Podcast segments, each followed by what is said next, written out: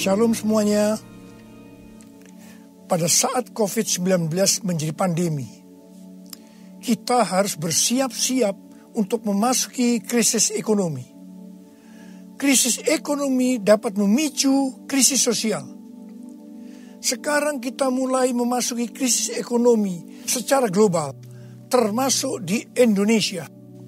Kita harus banyak berdoa agar krisis ini tidak berlarut-larut sehingga menimbulkan krisis sosial.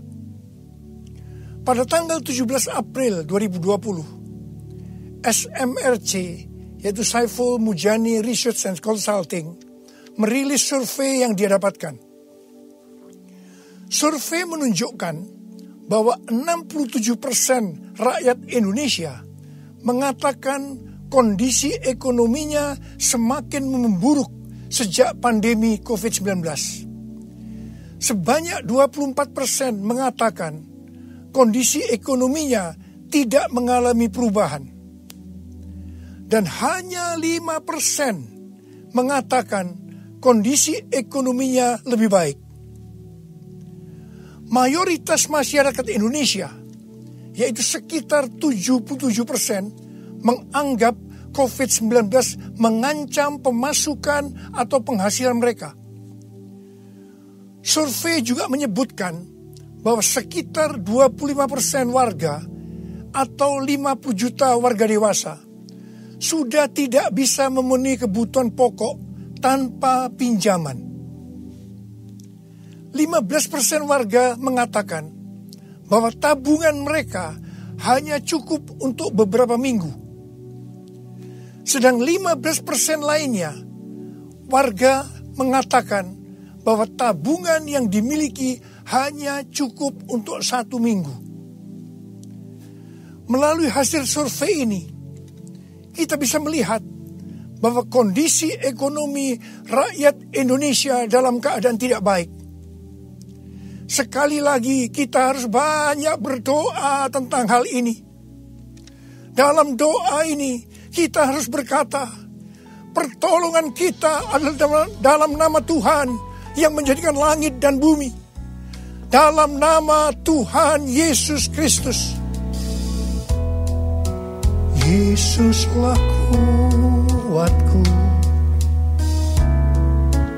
Yesus penolongku kepadamu ku berseru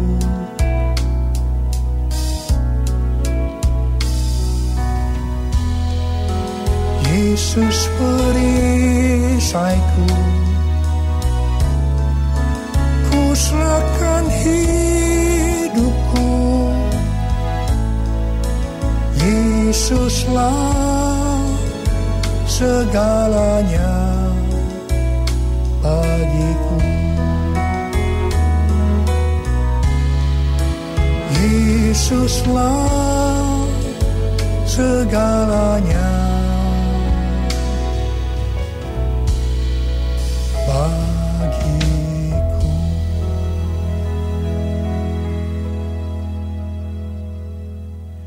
Setelah Tuhan Yesus bangkit, sebelum kenaikannya ke sorga, Tuhan Yesus mengunjungi murid-muridnya yang sedang mencari ikan di Danau Galilea. Tujuh murid Tuhan Yesus termasuk Petrus, Yohanes, dan Yakobus sedang berkumpul dalam keadaan tergoncang akibat kematian Tuhan Yesus. Mereka dalam keadaan ketakutan. Secara ekonomi, mereka juga tergoncang karena biasanya mereka selalu bersama-sama dengan Tuhan Yesus. Mereka kembali ke Galilea dan mencari ikan untuk kehidupan mereka. Pada saat itu, mereka sepakat untuk mencari ikan. Alkitab mengatakan bahwa semalam-malaman mereka mencari ikan, tetapi mereka tidak mendapatkannya. Mereka tambah frustasi. Tiba-tiba dari darat ada suara yang berkata, Hai anak-anak, adakah engkau mempunyai lauk pauk? Dengan kesal mereka menjawab, tidak ada. Mereka semua tidak tahu kalau yang bertanya itu adalah Tuhan Yesus. Tuhan Yesus melanjutkan dengan berkata, kalau begitu, tebarkan jalamu di sebelah kanan perahu, maka engkau akan mendapat ikan. Perintah ini sebenarnya tidak masuk akal, karena alasan pertama, hari sudah siang. Mencari ikan di Danau Galilea harus malam hari. Alasan yang kedua, jarak perahu dengan pantai hanya sekitar 200 hasta, yaitu sekitar 90 meter. Jadi tempat itu adalah tempat yang relatif dangkal. Padahal biasanya ikan ada di tempat yang relatif dalam. Tetapi mereka taat kepada suara itu. Meskipun mereka tidak tahu bahwa itu adalah suara Tuhan Yesus. Setelah mereka melemparkan jala di sebelah kanan perahu, apa yang terjadi? mereka mendapatkan 153 ekor ikan besar-besar. Baru setelah itu mereka sadar bahwa yang menyuruh mereka adalah Tuhan Yesus. Pertanyaannya, mengapa mereka tetap taat meskipun mereka tidak tahu bahwa itu Tuhan Yesus? Jawabannya adalah karena mereka hidupnya intim dengan Tuhan Yesus pada masa kesesakan, biasanya tidak gampang untuk mendengarkan suara Tuhan. Tetapi orang yang hidupnya intim dengan Tuhan, mereka tetap bisa membedakan bahwa ini suara Tuhan, meskipun samar-samar. Suara ini adalah suara yang sering dia dengar, yang memberi tuntunan, memberitahu apa yang harus dilakukan pada saat kita memasuki krisis ekonomi sebagai dampak dari pandemi COVID-19, kita perlu mendengar suara Tuhan. Saya ulangi sekali lagi. Pada saat kita memasuki krisis ekonomi sebagai dampak dari pandemi COVID-19, kita perlu peka mendengar suara Tuhan. Garis bawahi ini. Ada tiga macam suara. Yang pertama, suara Tuhan. Yang kedua, suara hati kita. Yang ketiga, suara iblis. Bagaimana kita bisa membedakan bahwa itu adalah suara Tuhan? Yaitu kalau kita hidupnya intim dengan Tuhan. Kalau hati kita melekat kepada Tuhan. Kalau kita dipenuhi dengan roh kudus dan kalau firman Tuhan tinggal di dalam kita, kita akan tahu bahwa itu adalah suara Tuhan. Tuhan berbicara kepada kita melalui bermacam-macam cara. Bisa secara audible, bisa melalui firman Tuhan, bisa melalui nubuatan, bisa melalui penglihatan, bisa melalui mimpi, bisa melalui peristiwa-peristiwa yang terjadi, baik secara umum maupun yang ada di sekeliling kita, dan lain-lainnya. Bagaimana kita bisa mengenali suara Tuhan?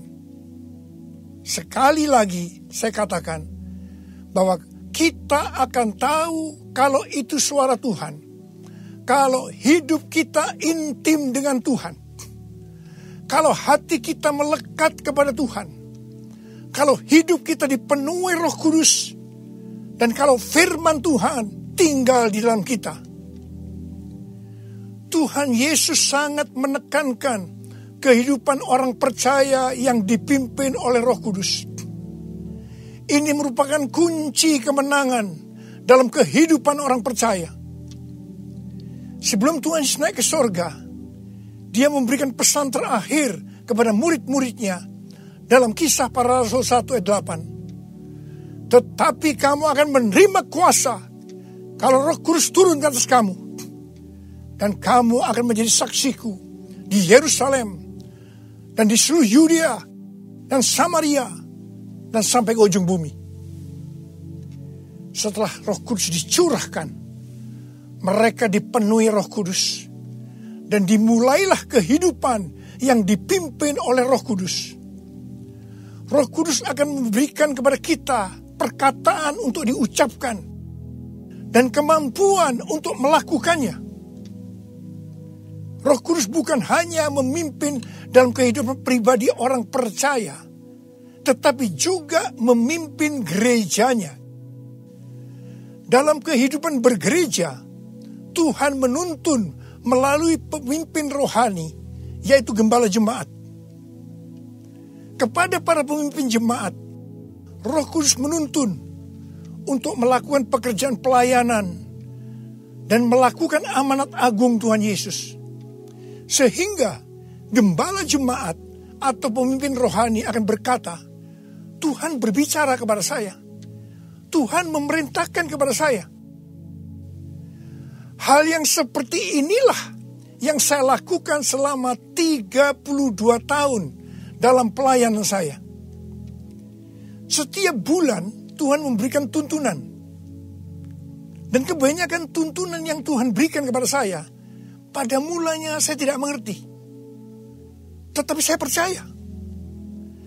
Karena saya percaya, saya perkatakan tuntunan itu saya melakukan seperti apa yang Rasul Paulus lakukan.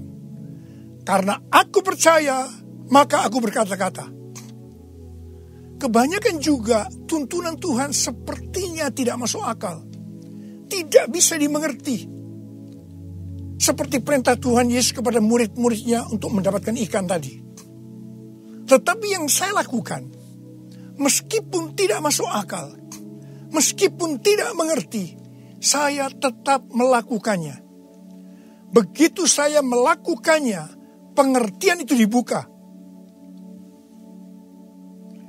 Tema yang Tuhan berikan untuk tahun 2020 adalah tahun dimensi yang baru.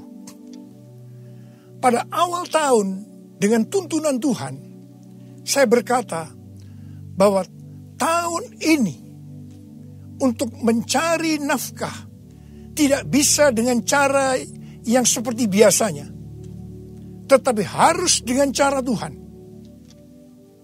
Tuhan banyak memberikan ayat-ayat untuk menuntun kita mengenai hal itu. Di dalam Alkitab ada dua kata supaya kita diberkati secara materi. Yang pertama, memberi. Yang kedua, menabur. Di dalam Lukas 6 ayat 38 dikatakan, Berilah dan kamu akan diberi. Suatu takaran yang baik, yang dipadatkan, yang digoncang, dan yang tumpah keluar akan dicurahkan ke dalam ribaanmu. Sebab ukuran yang kau pakai untuk mengukur akan diukurkan kepadamu. Amsal 11 ayat 25 berkata, Siapa banyak memberi berkat, diberi kelimpahan. Dan Amsal 19 ayat 17 berkata, Siapa menaruh belas kasihan kepada orang yang lemah, memiutangi Tuhan yang akan membalas perbuatannya itu. Banyak yang mempunyai pengertian, sekali lagi saya mau katakan, banyak yang mempunyai pengertian bahwa ayat-ayat tersebut hanya diperuntukkan bagi orang yang kelebihan uang, bukan orang yang berkekurangan.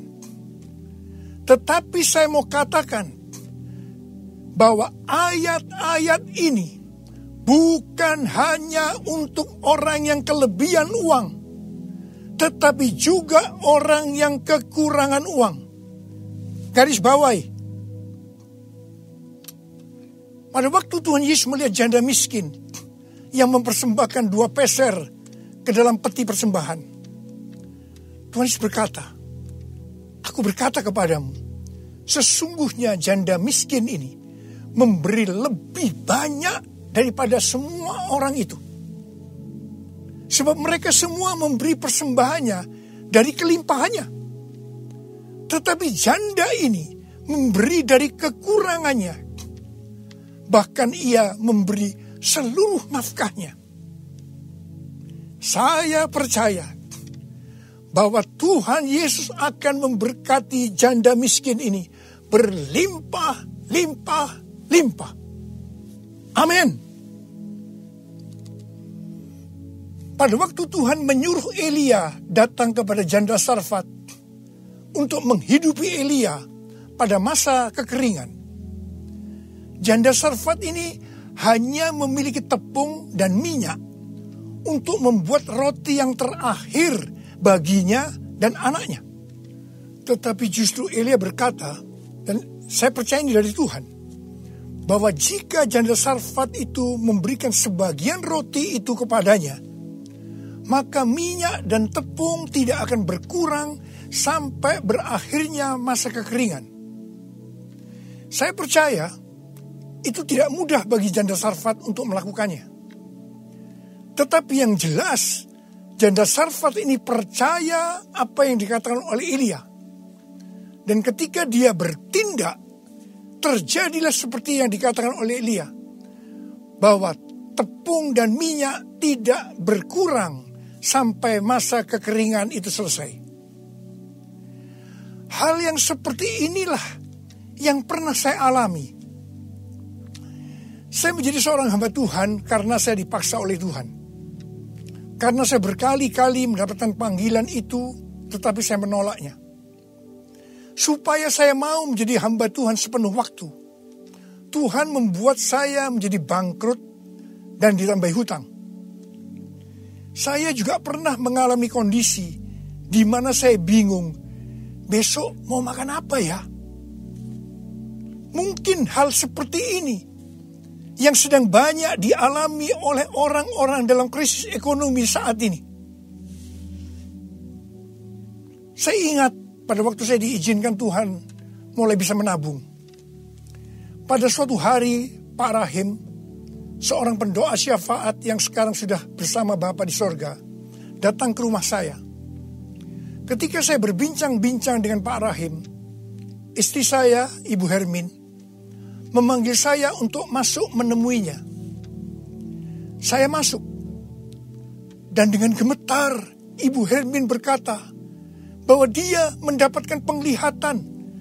Ini untuk pertama kali dalam hidupnya. Apa yang dia lihat? Dia melihat sebuah angka di pintu lemari sebesar 30 ribu. Dan Tuhan berkata kepada Ibu Hermin bahwa dia disuruh untuk memberikan uang sebesar 30 ribu kepada Pak Rahim. Saya berkata, kalau Tuhan yang suruh, ya berikan aja. Ibu Herim menjawab, berikan, berikan gimana? Itu seluruh uang yang ada pada kita. Itu semuanya yang kita punya. Saya sempat tertegun. Kemudian kita berdua menangis di hadapan Tuhan. Dan kita berkata, Tuhan, kami akan taat Tuhan. Kami akan berikan uang ini kepada Pak Rahim. Ketika uang itu saya berikan kepada Pak Rahim, langsung dia buka amplopnya. Dan dia hitung bahwa jumlahnya 30 ribu. Dan ketika dia tahu bahwa jumlahnya 30 ribu, langsung dia menangis dengan keras. Ternyata sudah beberapa malam dia sujud kepada Tuhan di pelataran rumahnya. Meminta uang kepada Tuhan sebesar 30 ribu untuk membiayai enam pendeta yang dari desa yang ada di rumahnya. Pada waktu itu saya sempat bertanya kepada Tuhan, Tuhan, kok mintanya kepada saya ya Tuhan, yang uangnya pas-pasan dan kadang-kadang masih kekurangan, kenapa tidak minta kepada yang kaya? Tuhan hanya mengingatkan saya kisah tentang janda Sarfat tadi. Saya percaya saya ada sebagaimana saya ada saat ini. Salah satunya karena saya melakukan itu. Mari, hari-hari ini kita akan bersatu melawan COVID-19 dan menabur untuk saudara-saudara kita yang terkena dampak. Karena itu, Mari saudara-saudara yang sekarang mengalami dampak yang buruk dalam ekonomi akibat pandemi COVID-19 ini. Sekali lagi saya mau katakan kepada saudara, seperti yang tertulis dalam Amsal 10 ayat 22. Berkat Tuhanlah yang menjadikan kaya. Susah payah tidak akan menambahinya. Kalau saudara hidup sesuai dengan firman Tuhan, maka saudara pasti akan diberkati oleh Tuhan berlimpah, limpah, limpah. Tuhan Yesus berkata, jangan kamu khawatir, jangan kamu khawatir, jangan kamu khawatir apa yang akan kamu makan, apa yang akan kamu minum, apa yang akan kamu pakai. Semua itu dicari oleh bangsa-bangsa yang tidak mengenal Allah akan tetapi Bapamu yang di sorga tahu bahwa kamu memerlukan semuanya itu. Tetapi carilah dahulu kerajaan Allah dan kebenarannya. Maka semuanya itu, semuanya itu akan ditambahkan kepadamu. Sebab itu janganlah kamu khawatir akan hari esok. Karena hari esok mempunyai kesusahannya sendiri. Kesusahan sehari cukuplah untuk sehari. Seperti yang Tuhan katakan kepada saya untuk menghardik COVID-19 dengan segala dampaknya. Mari, saya akan ajak saudara sekarang untuk menghardik COVID-19 dan krisis ekonomi. Dalam nama Tuhan Yesus. Di dalam nama Tuhan Yesus. COVID-19, krisis ekonomi, Diam, tenanglah. Kita sedang berada dalam peperangan rohani yang dahsyat melawan iblis. Dengan melakukan itu, kita mendeklarasikan kemenangan. Puji Tuhan, sejak tanggal 16 April 2020 di Indonesia, angka kesembuhan pasien COVID-19 mulai melebihi dari angka kematian semakin hari perbedaan angka kesembuhan dengan angka kematian semakin besar. Saya percaya ini merupakan penghiburan dan pengharapan bagi kita semua. Tuhan Yesus baik. Tuhan Yesus baik. Saya mengajak saudara untuk masuk dalam puasa dari tanggal 10 April sampai dengan 28 Mei 2020. Saya mengajak saudara untuk menatap ke depan dengan berkata seperti yang terdapat dalam Roma 8 ayat 28. Aku tahu sekarang bahwa Allah turut bekerja dalam segala sesuatu, baik enak maupun tidak enak, untuk mendatangkan kebaikan bagi aku yang mengasihi Dia. Aku percaya melalui semua peristiwa ini, aku akan makin serupa dengan gambar Yesus. Yang berarti aku menjadi murid Tuhan Yesus. Ingat, goal kita sebagai orang Kristen adalah untuk menjadi serupa dengan gambar Yesus. Yang artinya menjadi murid Tuhan Yesus. Tugas yang Tuhan berikan kepada kita adalah untuk melakukan amanat agung Tuhan Yesus. Yaitu pergi memberi keterangan Injil dan menjadikan semua bangsa itu menjadi murid Tuhan Yesus. Pentakosta ketiga yang merupakan pencurahan roh kudus yang luar biasa di zaman now akan memberikan kepada kita kuasa, kuasa, kuasa untuk menyelesaikan amanat agung Tuhan Yesus. Mari saya mau berdoa buat saudara. Angkat tangan saudara. Bapak, kami hanya melihat hari-hari ini krisis ekonomi sudah melanda seluruh dunia termasuk di Indonesia. Mungkin ada banyak anak-anakmu yang kena dampak ini Tuhan. Tapi hari ini, hari ini Tuhan, Engkau memberikan kami kunci supaya kami keluar dari masalah ini. Dan kami percaya Tuhan, kalau anak-anakmu semuanya melakukan apa yang kau suruh kepada kami hari ini, mereka pasti akan diberkati oleh Tuhan. Mereka akan keluar dari krisis ekonomi ini. Mereka bukan hanya cukup, tapi malah mereka akan berkelimpahan di dalam segala hal. Terima, terima, terima hidup berkelimpahan. Terima, terima kelimpahan. Terima. Tuhan, hamba berdoa bagi mereka yang sakit. Sembuh dalam nama Yesus. Sembuh dalam nama Yesus. Sembuh dalam nama Yesus. Amin.